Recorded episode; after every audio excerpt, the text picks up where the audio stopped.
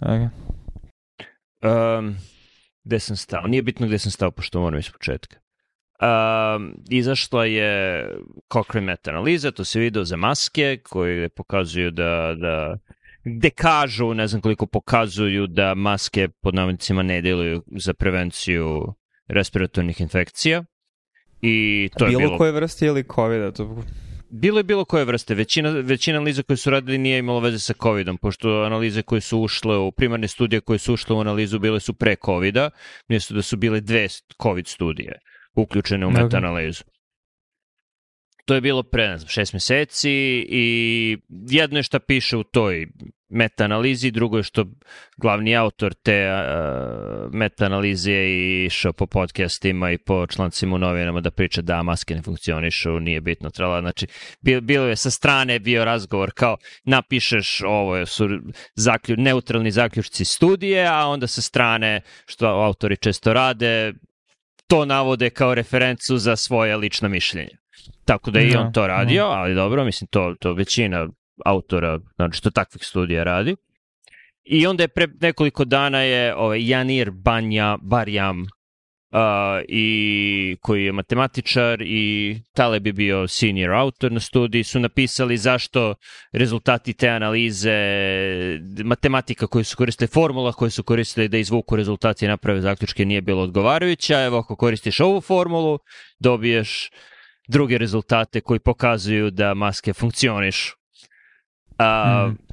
i, i, i, I jedni i drugi uopšte nisu koristili terminologiju koja je jako bitna za ovakve stvari i koja bi razrešila mnogo tih prividnih konflikata i koja nesrećna, nes, nesrećna stvar u sa tom terminologijom što je jako slična u, u engleskom jeziku, a na srpskom i ne postoji neka jasna distinkcija, a to je razlika između uh, uh, efficacy i effectiveness, odnosno na srpskom rekao bih efikasnosti i efektivnosti, uh, s tim što -hmm. efikasnost postoji i efficiency i to je treće F, sva tri počinju na F, uh, i to su tri različite stvari. A te tri različite stvari su sve tri odgovor na pitanje da li nešto funkcioniše da neka intervencija funkcioniše i prvi je to ovaj Cochrane, po kome se zove Cochrane Collaboration, po kome postoji ceo taj sistem meta-analiza postoji, on je prvi, ne znam kad je bio 60. godina je pisao o tome ili 70-ih, da, da postoje tri različita pitanja, tri različita pitanja kad, kada pitaš da li nešto funkcioniše. Uh, prvo pitanje je da li uopšte postoji šansa da funkcioniše, da li može da funkcioniše, uh, i to je, i to je i to je efficacy. To je ono što bismo nazvali efikasnost, ne, ne znam na srpskom, ali clinical efficacy je ono što uglavnom testiraš u kliničkim studijama. To je safety and clinical efficacy of X, bezbednost i klinička efikasnost intervencije X. Uh, da, to je da, da li neka intervencija funkcioniše u idealnim uslovima. Drugo pitanje, ono pitanje kojim se bavi Cochrane kolaboracije je pitanje efektivnosti, effectiveness, da li nešto funkcioniše u stvarnom svetu. Uh, i, I to je ono, imaš tabletu koja leči rak, super, ali ako je tableta veličine konjske pilule koju ne može svako da proguta, koja ima gomilu neželjenih dejstava, koja će te ubiti pre nego što ti izleči rak, to onda imaš efficacy odličan, ali effectiveness nula. Uh, ili nedavni primjer kolonoskopija, gde da, ako, ako imaš super izvedenu kolonoskopiju koju regularno obavljaš, ne, niko ko ima tako, i ono, piti, piti, Pitera ti je priča dosta o tome, ako imaš, ne znam, kolonoskopiju svaka tri meseca i ta kolonoskopija je odlično izvedena, ne, ne postoji, mislim, šansa da dobiješ rak debelog creva je minimalna, 0,0001%, pod, pod kojim god da si rizikom, i to je efficacy, ali effectiveness je, ok, u stvarnom svetu možda ćeš uzeti go lightly ili nećeš, možda će ti biti očišćen kolon za kolonoskopiju ili neće, možda će uh, gastroenterolog koji obavlja biti manje ili više vešt, da li ćeš uopšte izaći na kolonoskopiju ili nećeš, i onda, i onda tu pričamo o efektivnosti uh, odnosno efikasnosti kolonoskopija. Jel i, i, ima za sada smisla to što govorim? Da, da, mislim efikasnost je taj čvrsti endpoint koji imaš, a, a efektivnost je rezultati u stvarnom svetu. Mm. Gde imaš ostale promenljive. I vidiš, to je tipično shvatanje toga. I tipično shvatanje je da efficacy, efektivnost proveravaš u kliničkim studijama, a effectiveness uh, proveravaš u, u ono, observacijonim studijama ili u, u stvarnom svetu pod navodnicima, ali uh, to nije baš toliko jednostavno, pošto te dve stvari postoje na spektrumu, ne postoji studija koja, ti, koja će ti 100% čisto samo efficacy proveravati i, i način na koji dizajniraš studiju će te staviti na različitom delu spektruma od efficacy do effectiveness. I problem, na primjer, kod one Nordic studije za kolonoskopiju koja je izašla pre godinu dana, da, tačno, pre tačno godinu dana, u oktobru 2022. je izašla, je što je ta studija dizajnirana da testira ne efficacy, nego effectiveness kolonoskopije. Jer ti nisi testirao kako kolonoskopija funkcioniše i nije nisi ono baš vodio računa o tome da svako ima kolonoskopiju, nego je ono što, što, što, što si testirao, randomizirao si da li će neko dobiti savet da ide na kolonoskopiju ili neće dobiti savet da ide na kolonoskopiju. Znači, jedan poziv na kolonoskopiju. I ti, ako si dobio poziv, ti si randomiziran u kolonoskopiju i onda je problem da li će svi javiti pozivu, neće, ono, nije ni 50% bio, bio odgovor na, na taj poziv i onda dalje ide koja je tehnika osobe koje izvodi kolonoskopiju, koliko je dobar bowel prep i te druge stvari. Tako da je to više studija koje testira effectiveness, a ne efficacy kolonoskopije i više gleda na intervenciju na populacionom nivou nego na, na ličnom nivou. Da li pratiš za sada? Ne pratim, nego samo me zanima, u stvari razmišljam da je trebalo svoj blog post da napišeš kao pismo uredniku nekog časopisa, mada, dobro, ovo je S obzirom da je bitna distinkcija. Bitna je distinkcija koju ljudi, uh, uh, čak i ljudi koji pišu u tim časopisima uopšte ne prate. Znači, prođem preko glave i koriste dva, ta dva termina čisto stilistički. Ajde da ne spomenemo, da ne spomenemo efficacy dva puta u istom pasusu. U ovoj rečenici ćemo reći efficacy, u ovoj drugoj rečenici ćemo reći effectiveness ili ono tipično stilski na engleskom jeziku da iskoristiš sinonime da pojačaš snagu svoje, svog, svoje rečenice, svog, uh, svoje izjave, uh, kao brinemo se za, ne znam, bezbednost i dobrobit po populacije, safety and welfare, što je, ono, generalno su te termini su isti ili bar ima ono 95% preklapanja i onda kažu testiramo, testiramo efficacy and effectiveness jer kao hoćemo da pojačamo, testiramo sve moguće ove, ali ne, moraš da izabereš, testiraš ili jedno ili drugo ili se fokusiraš na jedno ili na drugo.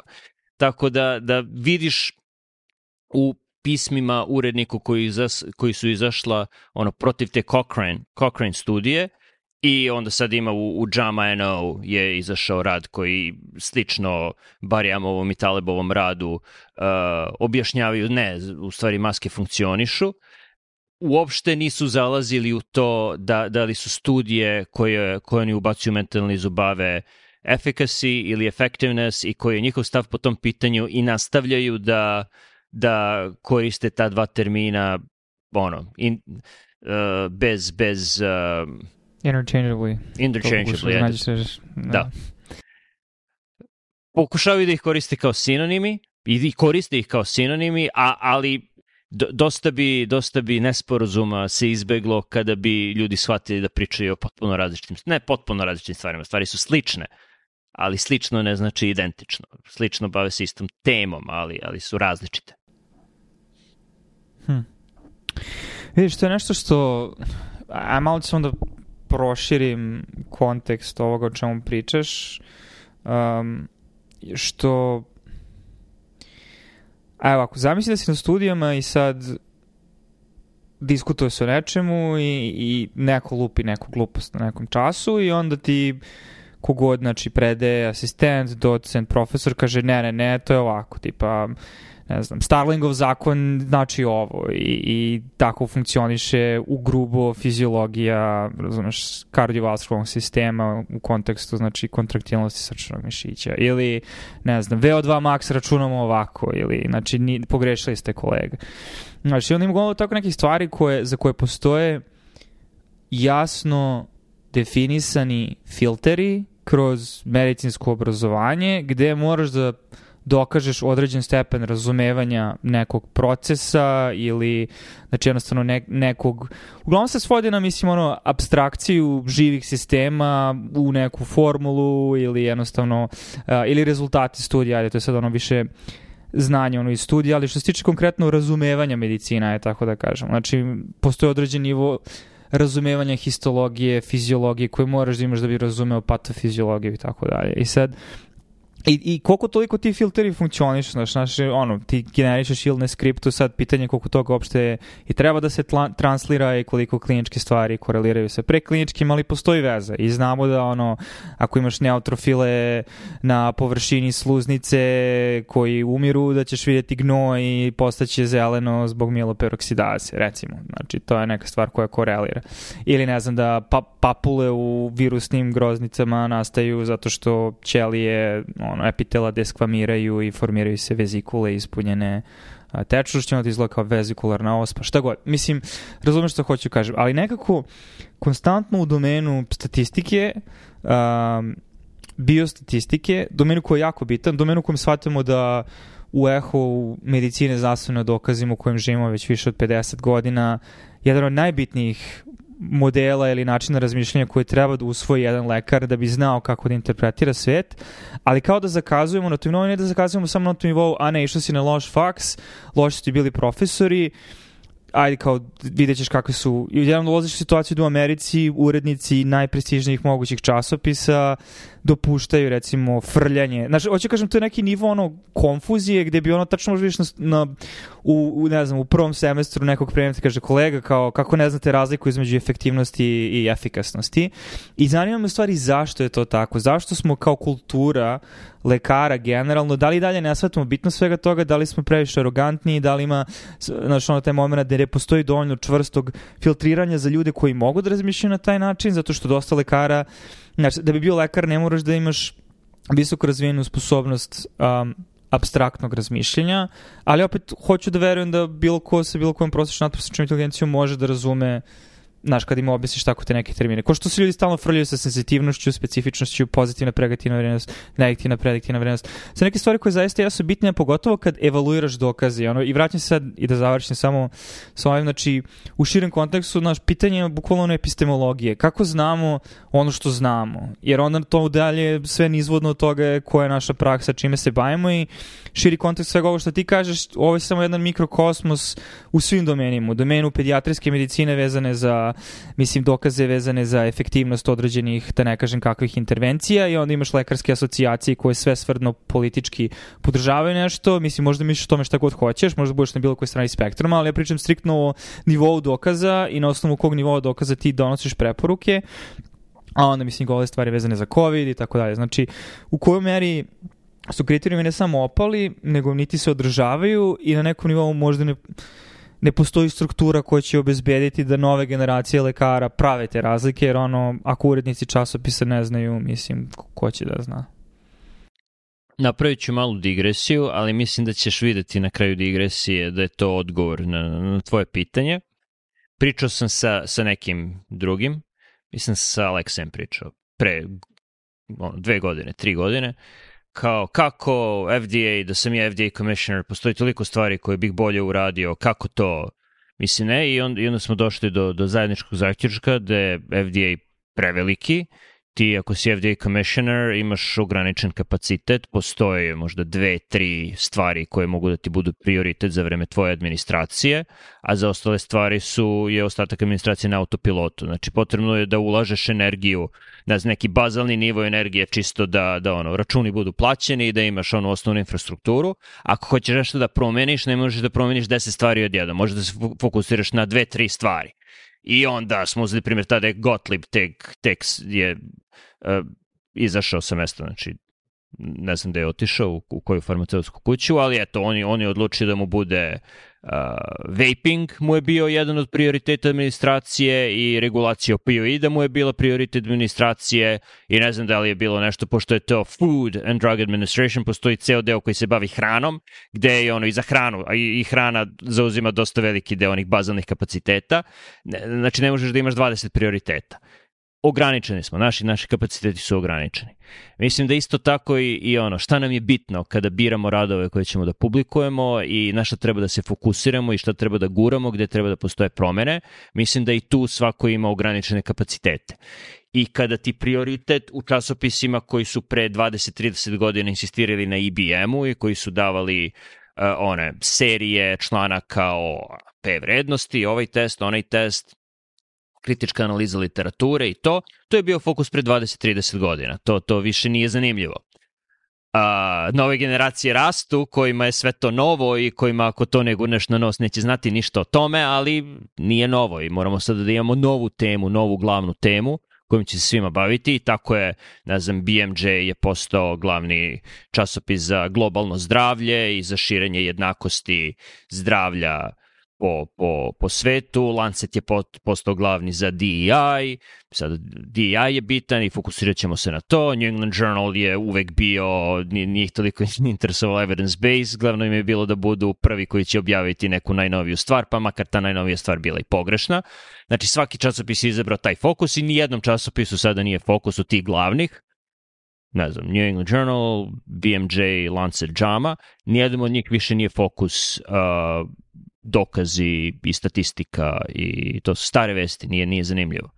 I, I zato je to spalo sa radara. I pretpostavljam, ono, platno, vratit će se u fokus, vratit će se u fokus, ne znam, za dve godine, pet godina, pare, deset godina, se pare, pa da. I kad u nekom trenutku dođe neko u, u regulativnu strukturu ko, ko će biti ok, nemamo više para u budžetu, znači ne možemo više da finansiramo, ne, može, ne možemo jednostavno ovaj programi svi ne mogu da funkcionišu, moramo da dokažemo da to što pokušavamo da odobrimo, da to zaista radi. Jer ono, mislim, cene zdravstva će nastaviti da skaču, cena lekova će nastaviti da skače, onda se javlja pitanje da li ti treba ovaj lek koji dostiže neki clinical endpoint uh, za indikaciju za koju možda ni ne treba intervencija, uh, a pritom ima niz nežnih dejstava, ali sistem je napravljen tako da imaš ono, marketing, budžet u svakom, mislim u svakom departmanu, svaki farmaceutski kući. Ne, sad dolazim ja na tangentu, ali hoću kažem,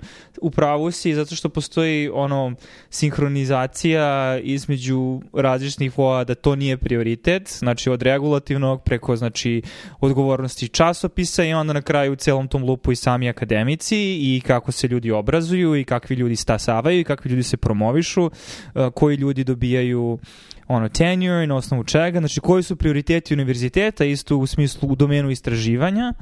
Um, ali ono, da, mislim, na kraju istina će isplivati zašto jednostavno gomila stvari koje tako budu bile intervencija, nećemo vidjeti stvarne efekte u svetu, jer ne, ne možeš da, ne, postoji samo ono količina bullshita, da tako nazovemo, koji možeš da izbegneš ono konačan sud toga da, ok, možda ljudi ne žive uh, duže ako radimo redovnu kolonoskopiju kojima ne možemo da kontrolišemo uslove. Možda razumeš ono, ovaj lek koji je napravio ovaj farmaceutski kući toliko para ne produžava toliko život ljudima ili nije toliko relevantan za uzroke mortaliteta za koji ispravo smo misli da jeste i tako dalje, ali problem sam koliko dugo traje ta petlja, znaš, to je ono što, što, što se pitam.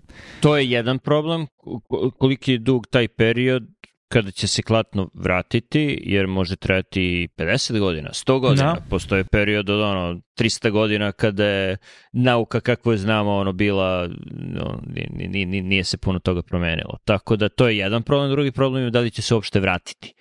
Jer postoji alternativna istorija, ako ubaciš veštačku inteligenciju ovde, lako mogu da vidim svet u kome ljudi više ne razmišljaju, imaš algoritam, imaš neko pitanje, ubaciš podatke u algoritam, algoritam ti vrati šta god ti vrati, kojim god metodom je došao, crna i kutija u pitanju, ko to zna, naši preci su to napravili, oni su bili pametniji od nas u to zlatno doba visoke tehnologije 2023. godinu, od tada je bio pad čovečanstva, nastavio se, i, i mi sada tumačimo ono što nam algoritam kaže i, i, i tu, tako, tako da nema potrebe klatno da se vraća, imamo, imamo algoritam.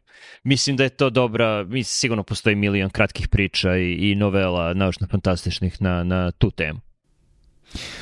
Da, dobro, sad sa tim alternativnim primjerom premešaš ili bare meni u glavi ono okvir diskusije na mnogo širi okvir, a onda se postoje suštinsko pitanje koliko dugo možeš da živiš mimo istine dok to ne počne da se vidi, jer ono uh, U, jako znaš, dugo. Infrastru... Jako a dugo. to je ono, pit, za, zavisi u kom domenu, to je sad taj moment. Jer, a pogotovo što sad, mislim, mali kontrargument, uh, ubrzavanje u nekim domenima koje sada doživljamo nose sa sobom eksternalitete, pogotovo u domenu povezivanja međusobnog ljudi i to interakcija sa algoritmima i veštačkom inteligencijom, kako to menja nas, naše nivoje organizacije i komunikacije, koliko brže trendovi i kulturni momenti ulaze, koliko je to potencijalno društveno destabilišuće, ali znaš, um, u određenim domenima mislim da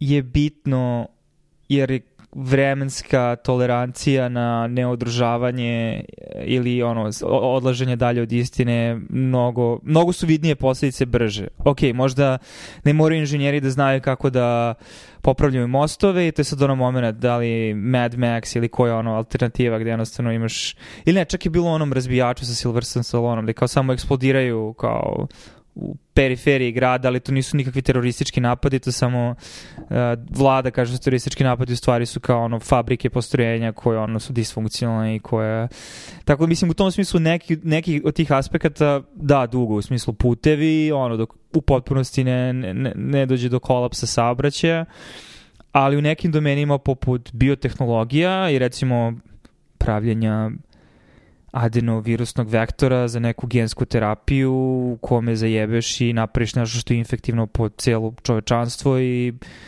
potencijalno napraviš novu pandemiju, tu je nivo greške i tolerancije na to mnogo, mnogo manji, znaš, i to je sad taj moment odgovornosti u kojoj meri smo spremni da budemo, a ok, možemo da živimo u ovom polakom padu još 100 godina, kao ima dovoljno industrije, ekonomije, para, nešto će ono, svi ćemo živeti u paralelnim univerzumima digitalnih svetova i sve cool, algoritam će sve da reši.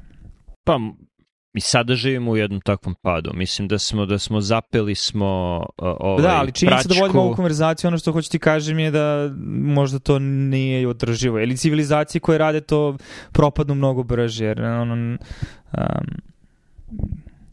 jer ima mnogo veći kapacitet za samouništenje nego što smo imali i mnogo manje rezilijentnosti nego što mislimo u odnosu na samo par stotina godina ranije. Delom time zbog toga koliko smo postali zavisni od tehnologija koje imamo i znaš, zavisimo od modernih tehnologija, poljoprivrede, pesticida da bi snabdevali stanovništvo, zavisimo od određenih obradivih površina i ne mislim da nismo prilagodljivi, samo mislim da nismo, nismo ni spremni na eksternalitete pada koji, koji ono slede iz ovakvih zaključaka i... Uh, I da i ne, mislim da malo... Uh, ok. Mi, mislim da niko nema tačan uvid u to šta ljudi razmišljaju, naročito šta, koliko 7-8 milijardi ljudi na, na planeti, šta sada misle i ono, pre 300 godina kada je ono, 1% populacije bio pismen, a od toga šta je, šta je preostalo i imamo utisak da su ljudi tada bili mnogo pametniji, prosvećeni itd. i tako da smo tu gde, gde jesmo. Sada je nekako mnogo teže naći, naći signal u, u svoj toj buci, ali ne znači da signala nema i može da budeš zavaran da misliš a vidi niko ne razmišlja svojom glavom, vidi kako ono, samo pratiš algoritam, ne, ne, ne, nema nikakve ni, ništa novo nije se ne, ne, ne dešava. Uh, da, ali pre sto... Izvini, ajde završi, nećete prekati. Ne, kaži, kaži. Ne, ali pre par stotina godina je bilo ok biti nepismen zato što si dalje mogu da budeš produktivan član društva i da doprinosiš tom društvu. Sada, de facto, uh, mehanizacijom i automatizacijom, pogotovo u razvijenim društvima, na svakom odgovornost da ima određen nivo pismenosti, a ne samo određen nivo pismenosti, nego i određen nivo sposobnosti razumevanja sveta, zaključivanja, opet abstraktnog razmišljanja. Tako da, da, ne možeš da znaš šta se nalazi u glavi svakog pojedinca, ali trendovi u smislu da čuješ iz godine u godinu kako u kojim gradovima po Americi u javnim školama opada pismenost dece, da provlače decu kroz razrede ono koje maturiraju osnovnu školu, a ne znaju matematiku četvrtog razreda. Da, možda njima u životu neće trebati, ali verovatno će im trebati neki nivo barem sposobnosti razmišljanja, zašto smo u kognitivnoj ekonomiji. Znači, koliko ljudi će zaista moći da doprinosi uh, čisto nekim fizičkim radom, a koliko nas će na, morati da nastavi na nekom nivou da bude mentalno involvirano u, u, u ekonomiju, jer Uh, ili koja je druga alternativa? Druga alternativa je ono, UBI, znači univerzalni dohodak i onda većina ljudi koji nije pismena, nego samo ono, je na internetu potrošači su i onda troše taj svoj UBI na održavanje nekog nivoa ekonomije, ali um, to je baš depresivno. A zašto ti je to depresivno, na primjer? Uh, imaš UBI i, i ljudi Za, zašto misliš da bi se to svelo na potrošnju? Zašto ne bi... Ljudi su pre 100 godina imali mnogo drugačije mišljenje o tome kako će ljudi reagovati na, na automatizaciju i na to da će se na poljoprivredu i na kućne poslove trošiti mnogo manje vremena. Ljudi su misli, pa da, ljudi će naravno ono, baviti se sportom, umetnošću, uh, više će biti sa porodicom, Uh, Ništa to, toga to je bio, više. to je bio... Ljudi se manje bave sportom, manje su aktivni, ljudi sve manje porodica, ljudi ble na Netflixu, telefonu, socijalnim medijima, uh, goje se, manje su, ono, manje se kreću. Uh,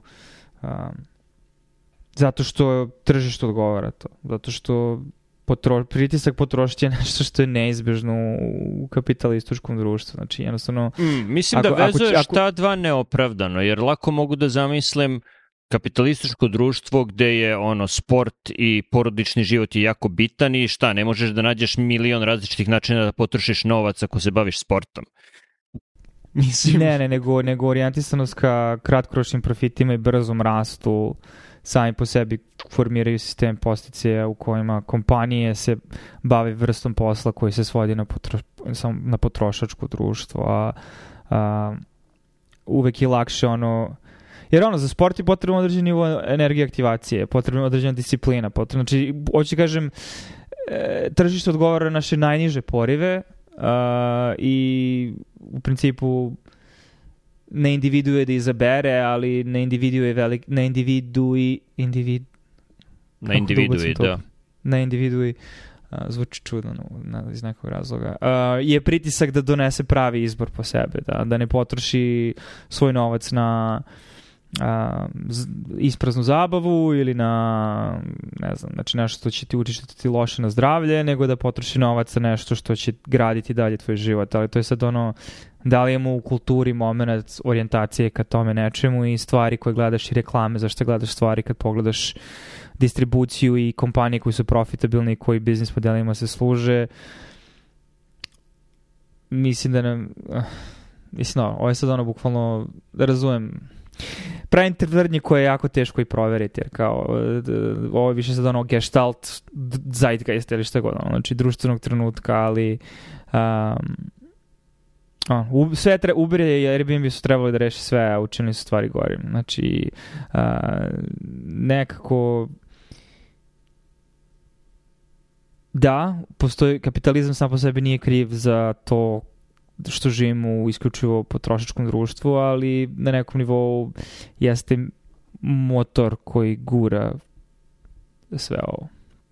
I ovo nije argument za komunizam, nema pogrešno shvatiš. znači, znači sam shvatio kako to zvuči, kao samo kada bi se ujedinili svi proleteri, to je ono što mi da ljudi ovde ne uviđaju, jer nikad nisu ni imali pravi komunizam ili nisu imali komunizam tačka, e, što ne vide sve eksternalitete takvog društva gde centralizuješ moć i staviš u, u ruke a, manjine koje uglavnom a, rezignirana ili puna, puna a, negativnih nekih emocija prema svo, ostatku društva i napraviš novu elitu. Mislim, ne možeš da izbegneš ne možeš da izbjegneš raslojavanje, samo što jedino što ćeš da učiniš da je, svi će biti jednaki i siromašni i, i, i ovaj, Uh, za, za određeni broj ljudi ne možeš da izbegneš elitu. Mislim da komunizam odlično funkcioniše u porodičnim odnosima. Pa i fašizam odlično funkcioniše u porodičnim odnosima, a kad je to de facto... Mislim da ne, fašizam, fašizam rezultira u puno, puno problema sa mentalnim zdravljem, sa nasiljem u porodici, to je fašizam. Funkcionalne porodice su generalno komunistički ustrojene, ako pod komunizmom shvatimo uh, svako prema sposobnosti, svakome prema potrebama, tako porodice funkcionišu. Mislim, nećeš da očekuješ da dete od 7 godina isto doprinosi porodici kao, kao odrasla osoba i nećeš da očekuješ neko ko ima 90 godina i se doprinosi porodici kao, ne znam, odrasla osoba od 30, 40, 50 godina. Tako da, mm. da su funkcionalne porodice su komunističke. Sada postoji kvalitativna promena kad se povećava N, što dosta ljudi ne shvata i mislim u statistici je to Jasno. Ali mislim da to je jako ključna promjena, zato što si ono, evoluirao da ti je stalo do svih tvojih članova porodice, jer deliš gene i sudbinu sa njima, ali kad imaš milione drugih anonimnih ljudi, Mislim, ne, teško U, da možeš ne, sve njih da doživiš da, kao svoju porodicu. Ne, mislim da iako, ako, daj mi, recimo da postoji jako, ono, fertilni, fecund, fecundity, to je dobra engleska reč za, za on, hiperfertilitet, a, porodica sa, ne znam, 150 dece i to je 150 braća i sestara. To ne može da funkcioniše po komunističkim odnosima. Mislim da nevezano za genetiku. A sa druge strane, ako imaš uh, ne, ne, e, ljude koji nisu u krvnom srodstvu, ali dele domaćinstvo u nekom relativno izo, na nekom relativno izolovanom mestu, to hoće funkcionisati po komunističkom principu. Ne, ne, bih, ne bih to vezivao za genetiku i A ne, za... dobro, mislim, delom je vezano u smislu da smo opet, zato što ono što veze to je možda Dumbarov broj ili nešto poput toga, znači, a opet se svodi na ono čemu si pričao, sposobnost da prioritiziraš stvari, sposobnost da se organizuješ prema nekom zajedničkom cilju, količina pažnje koju možeš da posvetiš, jer čim povećaš taj N na 150, odjednom je tu mnogo sad više stvari, mnogo više individua, teže orijentisati se, a da ne izađe neka hijerarhija i svega toga koje je ono nepobitno. Da. Mislim da je uh, mentalno računovodstvo i praćenje tvoja upoznato sa nečim sposobnostima i nečim potrebama uh, se smanjuje ako povećavaš da. broj ljudi o kojima treba da, da vodiš računa. Tako da... Da, da. Ali opet to zašto smo evoluirali kognitivne kapacitete za određene stvari. Mislim, to je moj argument samo. Znači, jednostavno, ograničeni smo svojim biološkim sposobnostima. Sa te strane da, slažem se. Tako da, da Uh, pokušao sam da, ve, pokušao sam da, da vežem nazad na statistiku. Stvari se dosta menjaju kako povećavaš N. N je jako bitna stvar o kojoj ljudi generalno ne, ne ode računa. Uh, I u pitanju ono broja ko, koja ti je cela populacija i koliki ti je uzorak, veličine uzorka i e, Šta ti koji ti je imenilac za statistiku. Na čemu naročito insistiramo, uvek insistiramo, jer ljudi vole da porede stvari sa potpuno različitim imeniocima.